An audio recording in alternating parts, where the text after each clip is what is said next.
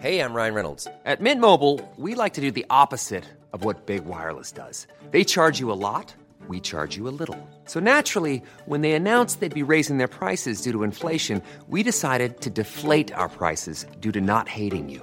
That's right. We're cutting the price of Mint Unlimited from $30 a month to just $15 a month. Give it a try at mintmobile.com slash switch. $45 upfront for three months plus taxes and fees. Promo rate for new customers for limited time. Unlimited more than 40 gigabytes per month. Slows. Full terms at mintmobile.com.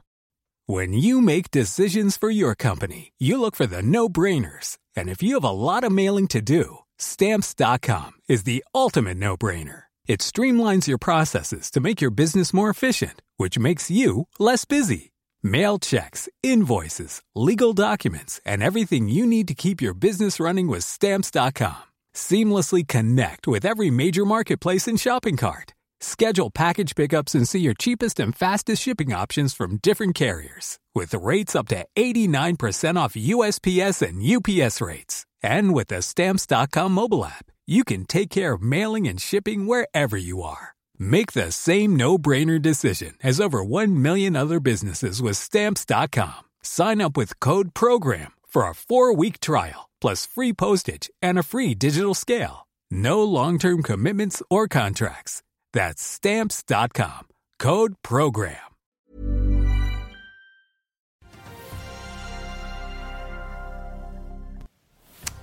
Inflasjon, inflasjon og inflasjon. Det er torsdag 12. oktober. Mer trenger jeg ikke å si. Velkommen til Børsmorgen.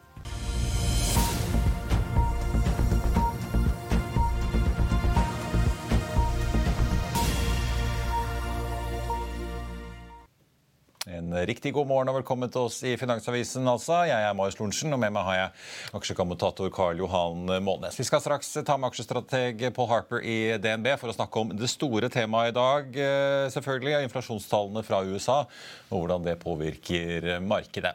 DNB venter for øvrig at børsen i dag vil åpne ned 0,1 Nordnetts Roger Berntsen ligger inne med en forventning om en flat start etter da fallet på hovedindeksen i går på 0,9% og halvannen prosent av dagen før det igjen. Vi har sett de asiatiske markedene litt ned i dag, men utslagene er mindre enn det vi har sett tidligere i uken. Wall Street endte relativt flatt i går. SMP ned 0,3, Nasdaq 0,15 og Dow Jones da 0,1. Med en oljepris som også er relativt flat i dag. På 92,40 ser vi på spotprisen for et fat nordsjøolje. Og 87 dollar omtrent da for et fat amerikansk lettolje.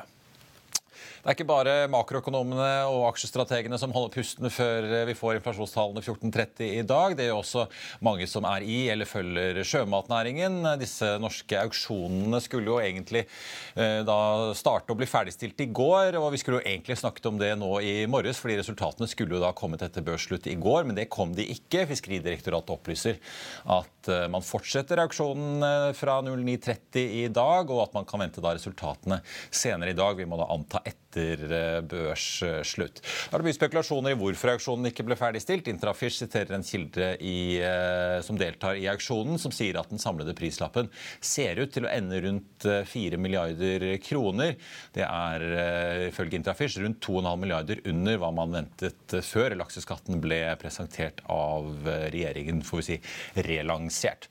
Til sammenlignet da, så forventer jo Finansdepartementet, sier de selv i hvert fall, å få en rundt 3,8 milliarder årlig fra den grunnrenteskatten. Så her går milliardene både den ene veien og den andre veien. Litt analyseoppdateringer fra meglerhusene. ABG nedjusterer kursmålet på Tomra fra 200 til 160 kroner aksjen. Gjentar hold. Den ble sist omsatt for 164. Og så har Cadeler gjort en rettet emisjon på nesten 33 millioner aksjer til 31 kroner stykket, og har dermed hentet inn en milliard kroner omtrent. Den aksjen var opp nesten 4% i går etter at Kaller meldte om en ny kontrakt. Og så tar Goldman Sachs og nedjusterer kursmålene på Nell fra 20 til 17 kroner, opprettholder kjøp. En annen aksje det er verdt å følge med på i dag, er Norsk Hydro. Bloomberg rapporterer at den amerikanske administrasjonen, altså Joe Biden-administrasjonen, vurderer et fullstendig forbud mot russisk aluminium. og Prisene på aluminium tikket oppover etter nyheten. og Prisen ligger nå på litt over 2300 dollar tonnet. Men det kan i hvert fall være verdt å ha øye på Hydro-aksjen da, som har fått litt press på seg i det siste.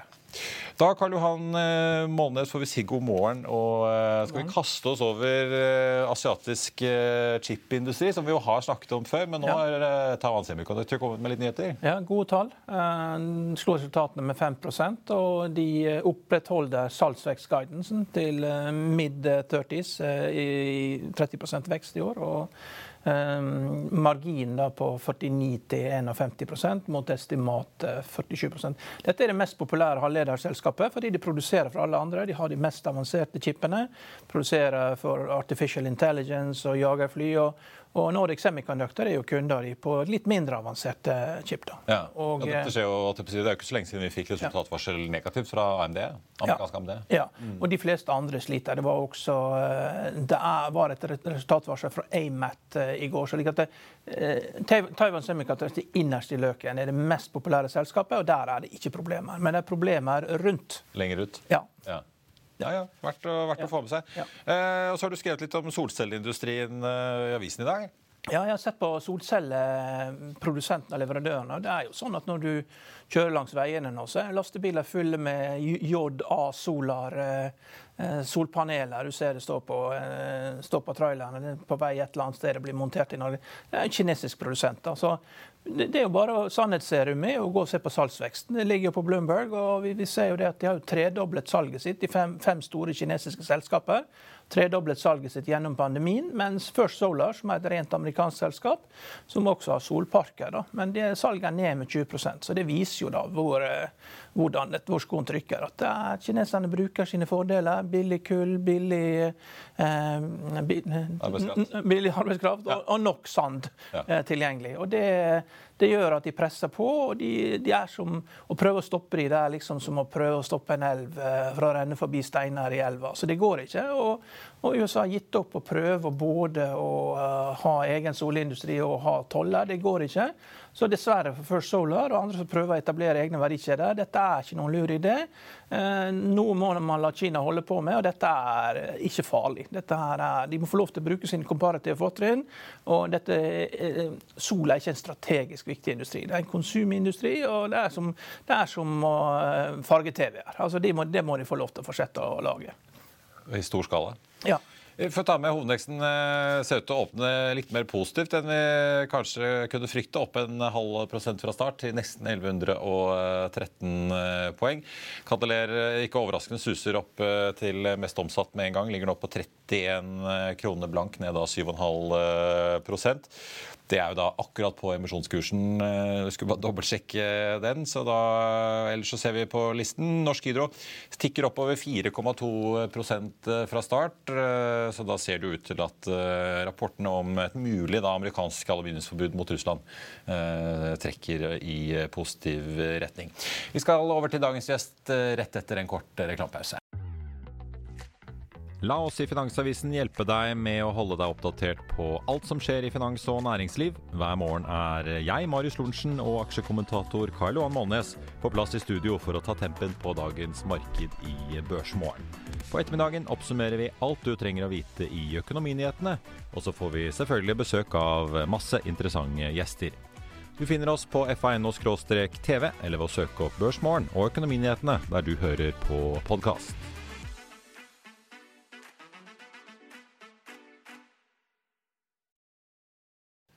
Da skal vi ta inn eh, dagens andre gjest. og Jeg tror vi bare begynner med det store alle venter på, nemlig inflasjonstallene fra USA. For mens svenskene i morges kunne melde om en konsumprisindeks på 10,8% i september, opp fra 9,8 i august, og en kjerneinflasjon som tikket fra 9 til 9,7, alt mer enn ventet, så venter vi da i at eh, inflasjonen i USA vil falle fra 8,3 til 8,1, mens kjernen tikker videre oppover fra 6,3 til 6,5. på Harper, aksjestrateg strateg i eh, DNB Markets. God morgen og velkommen med oss fra Bjørvika. Ja, Hvor spent er du på disse inflasjonstallene, som det virker som hele Wall Street går og tripper over eh, før de kommer om en eh, snaue seks timers tid? Ja, det er klart Dette er veldig viktige tall. for Vi har sett egentlig hele året har vært drevet av renter.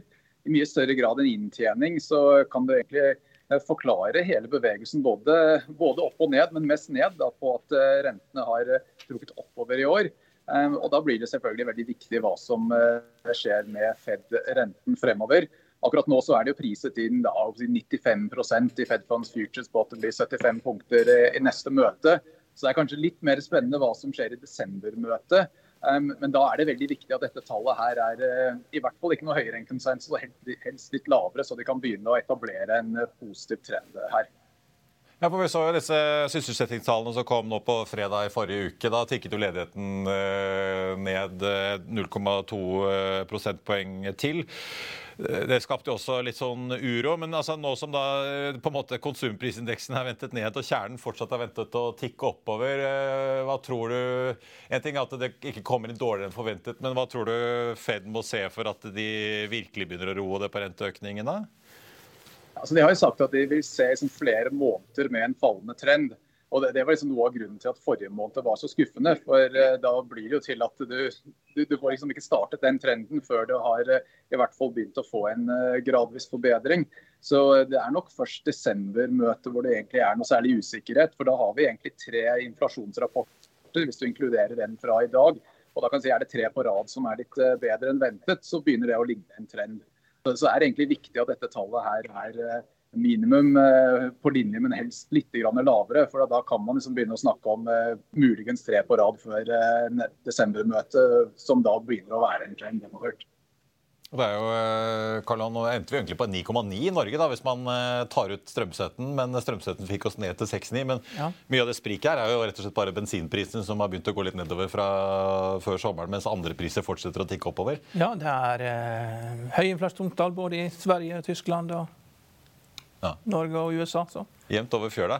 Du, Pål, eh, På tappen av dagen i går så kom jo BASF, dette store tyske kjemikalie- og industrikonsernet, med et resultatvarsel. Vi har jo sett resultatvarsel fra Fedex, Ford. Eh, vi ser liksom spor av det i regnskapet til Telenor. Mange store aktører. Eh, men det er jo et, en ganske stor aktør her som melder om at eh, konjunkturen i Tyskland er ganske dårlige. For på en måte to spørsmål. Hvordan leste du det som kom derfra? og hvor mye mer forventer du av den type varsler fremover? Så det er klart, eh, Jeg tror ikke det er en sånn veldig stor overraskelse at det er tungt i Tyskland. og Det er noe som hadde nesten vært eh, overraskende hvis det ikke skulle komme noe, noe negativt eh, derfra. Så det, det, er veldig mye som jeg er kjent, spesielt alt som er gassrelatert. Klart Det er veldig vanskelig nå i, i Europa, og spesielt i Tyskland. Altså, inntrykk fra møter med kunder nå at det er ikke veldig høye forventninger til eh, rapporteringssesongen. Så det holder nok med å være på linje med estimater. Det tror jeg er bra nok for en positiv reaksjon. Og muligens egentlig bare, bare det ikke blir de store kuttene i estimatene, så er det kanskje egentlig eh, bra nok i de fleste tilfellene. Så med relativt lave forventninger eh, rundt tallene, så kan man ikke helt utelukke at eh, rapporteringssesongen kanskje ikke blir eh, like ille som mange, mange, forventer. Vi har egentlig hatt nå flere kvartaler på rad hvor vi har vært litt på den foten at vi trodde at kanskje større risiko for eh, nedside enn oppside på tallene, uten at det har blitt de store kuttene i estimatene. Så jeg tror det kommer mer kutt nå enn det har gjort tidligere. Så det er ikke det at jeg er noe sånn superoptimist.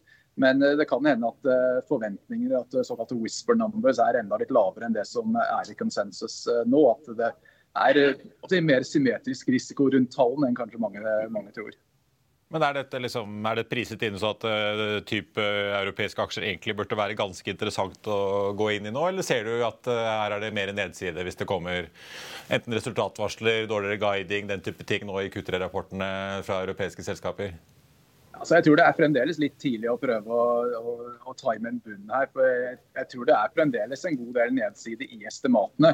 Spørsmålet er liksom, hvor mye av det kommer allerede nå i, i tredje kvartalsrapporteringssesongen. Så eh, Når vi ser på nordiske aksjer f.eks., så er jo inntjening et godt stykke over trend. Så eh, det, det, det, er eh, forholdsvis solid fallhøyde, men det er ikke sikkert at hele det fallet nødvendigvis behøver å komme allerede nå. Så, så den prosessen blir kanskje litt mer gradvis. Og Når sentimentet er såpass negativt, så, så, trenger det ikke nødvendigvis å være veldig positivt til å få en positiv reaksjon. Men det tror jeg i så fall blir mer sånn bear market rally-aktig eh, situasjon, fremfor at det er sånn den uh, endelige bunnen, og så er det så bare oppover eh, etter det. Karl, det er vel en del selskaper som nesten kan havne i en skvis hvis de på en måte ikke har kommet med noe oppdatering eller noe resultatvarsel eller sagt noe som helst før kvartalsrapporten eh, kommer. Folk begynner å spekulere? Det kan hende, men det, sikkerheten er så stor. Jeg tror liksom man må bare vente og se på hva selskapene sier. Det er jo skjønnsmessig. Det er jo tydelig at det er en del nedskrivninger og det må tas en del beslutninger uh, før man helt vet hvilke tall man skal gå ut med. Fordi det går jo på, spesielt i Tyskland, da, så må man jo vurdere nedstengninger uh, av fabrikkanlegg pga. Energiprisene. og Det påvirker jo da størrelsen på, uh, på, på, liksom på profit-warningene som kommer. Ja.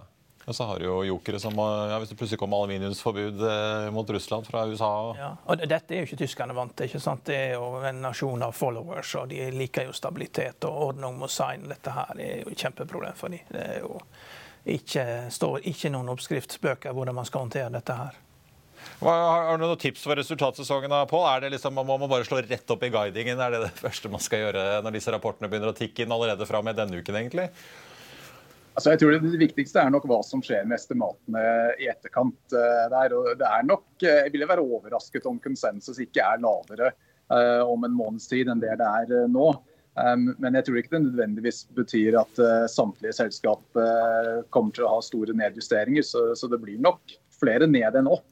Men av de som da er opp eller flatt, så kan man da kanskje få en relativt solid positiv reaksjon på det.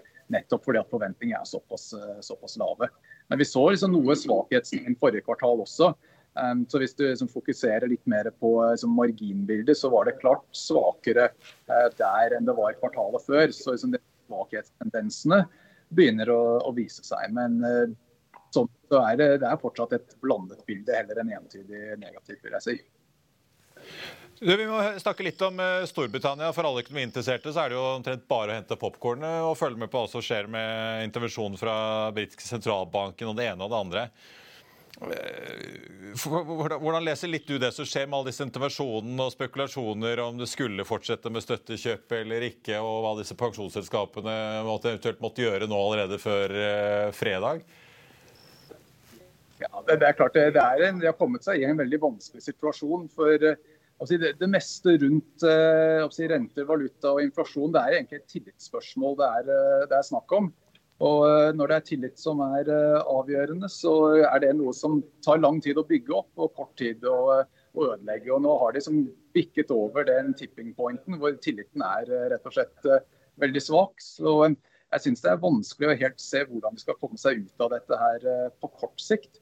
Um, og Da blir det nok uh, det presset at sentralbanken må antageligvis holde på litt lenger enn det kanskje har vært tidligere uh, forventet.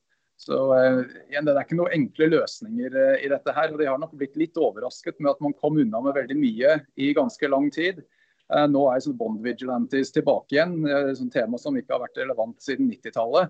Og nå er det noe som plutselig er noe de må ta hensyn til. og Da, er, da blir hele situasjonen mye mer komplisert.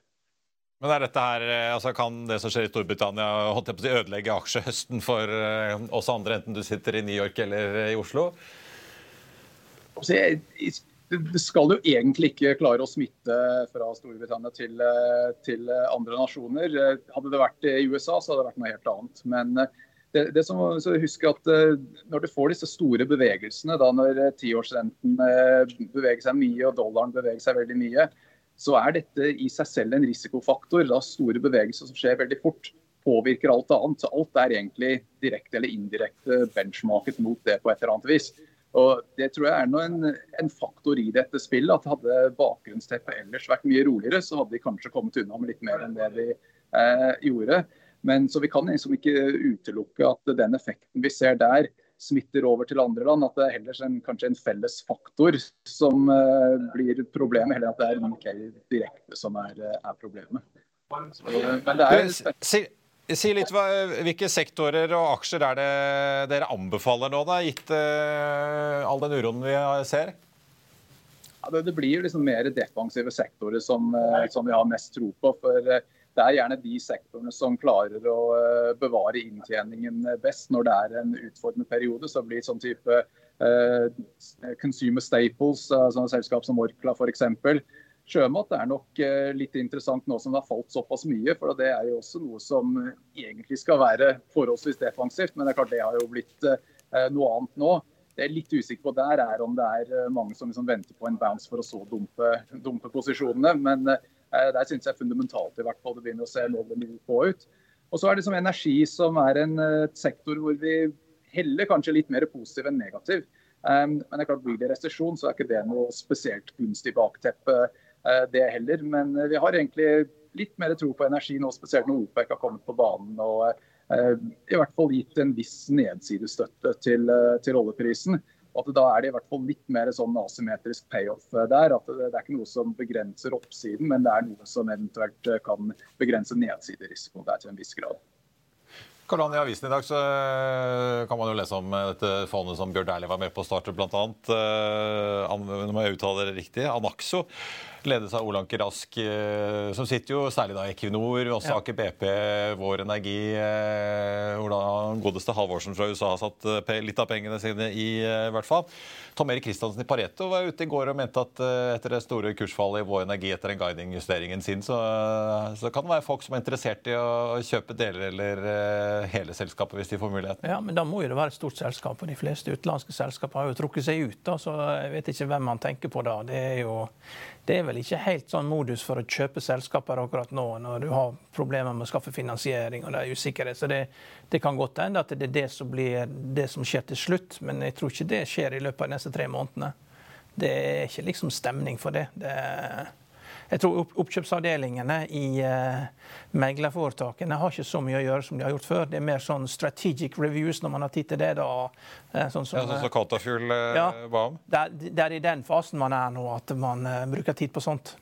Pål, til slutt, tror, du, tror, dere at det kan komme litt sånn M&A-ting her på olje og gass, f.eks. med eh, Vår Energi? Nå har vi jo sett at omtrent de eneste børsnoteringen vi har hatt i år, er jo nettopp det. Vår Energi, Noram Drilling og Shelf Drilling kom på børs her i går på, på Euronext Growth, riktignok, men likevel?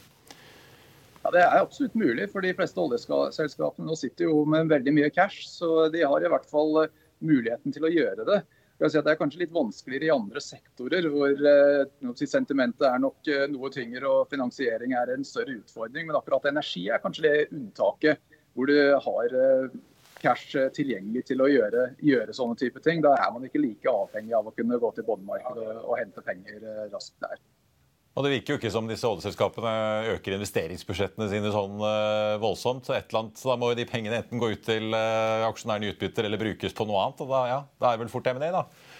Ja, det er det store spørsmålet hva disse pengene skal brukes til. og uh, alt, det, alt, det, som blir liggende i selskapet, så er det en viss risiko da, at de gjør et eller annet dumt med det. og det Fra aksjonærenes perspektiv så er det å sørge for at et eller annet dumt ikke blir sluttresultatet med med de, de, pengene er nok kanskje viktigst. og Da blir muligens kjøp av eh, konkurrenter, spesielt der hvor det er synergier å, å hente, er eh, kanskje noe av det beste de kan gjøre, bortsett fra å utbetale. Så får vi håpe at uh, ingen uh, tråkker i baret, som Statoil gjorde med noen oppkjøp i USA for uh, et tiårs tid siden. Paul Harper, aksjestrateg i DNB Markets, tusen takk for at du var med oss. Så noterer vi oss Orkla, muligens sjømat, og at det er verdt å holde øye med M&A i olje og gass. Takk skal du ha. Jeg tenkte jeg bare skulle ta med en kort melding. Nordea er ute og kutter i Movi. Vi har jo sett flere kutt på sjømataksjene etter denne lakseskattepakken kom. Movi ligger nå på 138,25, opp en 0,9 Nordea tar de ned fra 260 til 1,85, men beholder kjøp. Vi får invitere Herman Dahl, sjømatanalytikeren, innom en av dagene for å høre litt hvordan han vurderer sektoren nå. Ellers en av de store vinnerne i dag. Norsk Hydro opp 4,3% på listen over de mest omsatt. Eh, omtrent det samme som eh, Frontline. Eh, de kommer da med melding bl.a. om at dette hydrogenselskapet Havran har inngått en intensjonsavtale med H2 Green Steel. Men selvfølgelig den store nyheten som nok driver aksjen i dag, er da at uh, ifølge rapporter altså, så skal da den amerikanske administrasjonen vurdere et forbud mot russisk aluminium, som uh, jo vil påvirke Hydro. Ja, Karl Johan, skal vi runde av litt ellers? Børsen opp en halv prosent, så det virker som det går eh, noenlunde unna i dag. Nei, Vi må snakke litt om den uroen som kan komme fra obligasjonsmarkedene. og det Selv Janet Yellen er jo urolig for at det kan komme uro i det amerikanske obligasjonsmarkedet. At det det er ikke nok likviditet, man driver med kvantitative tilstramminger. Og Det er klart, nå har du og Det som skjer i England, det er jo veldig uheldig. Du har en regjering som skal både ha skattekutt og føre ekspansiv politikk, samtidig som du har en, en uh, sentralbank som skal passe på den finansielle stabiliteten, og som også har sine kvantitative tilstramminger de har tenkt å begynne med. Det, det er liksom i, alt er liksom i alle hjørner. Og Når da finansministeren i dag sier at hvis det blir uro i markedene, så er det Bank of Englands skyld. Dette er jo tabu for en uh, regjering å gi skylden på embetsverk eller andre. Det, det, I Finland så var det en statsminister som fikk sparken på dette, men finnene er jo brutale. Da, ikke sant? Han nektet for å ha mottatt en faks, eller det var hun kanskje også som var statsminister nektet for å motta en faks, og selvsagt den finske tjenestemannen viste fakskvitteringen på den tiden det var sånn. Og da var det ut. Det var vel tidlig på 2000-tallet. Det... For Audrey Bailey, Stabakssjefen, har fått eh, nok på tallerkenen sin? Eh, ja, har, tiden, altså. og har rota det til litt for seg sjøl også, så han er ikke helt uskyldig. Men likevel, du kan ikke gi de skylden for dette, for det er altfor mange sprikende mål de skal dekke opp. Og, han prøver jo de, å, å, å, liksom ta oppmerksomheten bort fra dette. Jeg vil si at det store problemet er liksom non-bank financial sector med 227 trillioner dollar. At det, det, er der vi må fokusere. Men, men problemet er at det, det kan være problemer i obligasjonsmarkedet. Det har vi jo sett. og hvis du går til et pensjonsfond til folk altså Vi har jobba fire år i England, og de man så opp til i organisasjonen, det var jo de som hadde de gullkanta defined benefits-pensjonene. og de, de, har jo følt seg trygge i arbeidslivet i 40 år, så kommer de ut og så er det ferdig, så er ikke pensjonen der. Altså, Da kan du risikere at du får revolusjon blant de stilleste og snilleste menneskene i verden. og Det er jo britiske pensjonister. Eh, at de, de, går i gaten. Altså, du kan ikke ha det sånn at pensjonen til folk blir borte fordi at eh, det er noen som har eh, lekt kasino med pensjonsfondet. Det går ikke. Da blir det dårlig stemning. Ja, det blir dårlig stemning. Er, uh, ja. Nei, det var jo interessant dette intervjuet Jan Telen faktisk ga til CNBC denne uken. Hun ja. Sa hun ville ikke kommentere britisk uh, verken pengepolitikk eller uh, økonomisk politikk, men hun sa hvor viktig det var at på en måte pengepolitikk og finanspolitikk følger hverandre. Så det var et litt sånn subtilt hint der om at i London så trekker Downing Street den ene veien og Bank of England den andre. Jo da. Nei, det, er, det, blir interessant. da. Men det, USA står han av. ikke sant? Det er midt i, oppi alt dette her, og Dollaren blir jo sterkere og sterkere.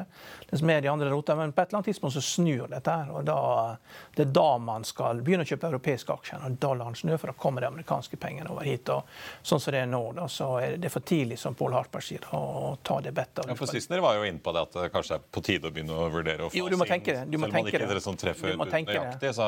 Ja, du må tenke det. Men, men det, det er for tidlig å gjøre det. Så, ja. ja. ja. Det er bare å se på det svenske aksjemarkedet. Det er uh, tungt ned. Ja. ja. Veldig bra, Karl Johan. Vi får følge med utover dagen. 14.30 altså, så er det det store øyeblikket da inflasjonstallene fra USA kommer. Det skal vi selvfølgelig få med oss i Økonominyhetene.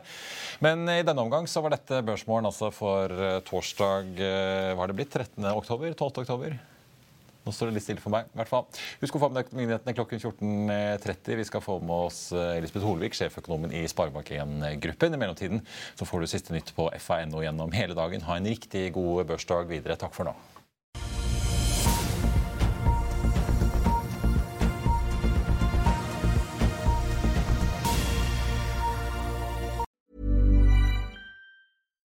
As humans, we're naturally driven by the search for better. But when it comes to hiring, the best way to search for a candidate isn't to search at all. Don't search, match with Indeed. When I was looking to hire someone, it was so slow and overwhelming. I wish I had used Indeed. If you need to hire, you need Indeed. Indeed is your matching and hiring platform with over 350 million global monthly visitors, according to Indeed data, and a matching engine that helps you find quality candidates fast. Ditch the busy work. Use Indeed for scheduling, screening, and messaging so you can connect with candidates faster. And Indeed doesn't just help you hire faster. 93% of employers agree Indeed delivers the highest quality matches compared to other job sites, according to a recent Indeed survey. And listeners of this show will get a $75 sponsored job credit to get your jobs more visibility at Indeed.com slash podcast. That's Indeed.com slash podcast. Terms and conditions apply.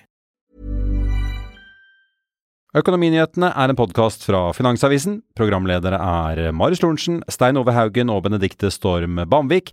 Produsenter er Lars Brenden Skram og Bashar Johar. Og ansvarlig redaktør er Trygve Hegnar.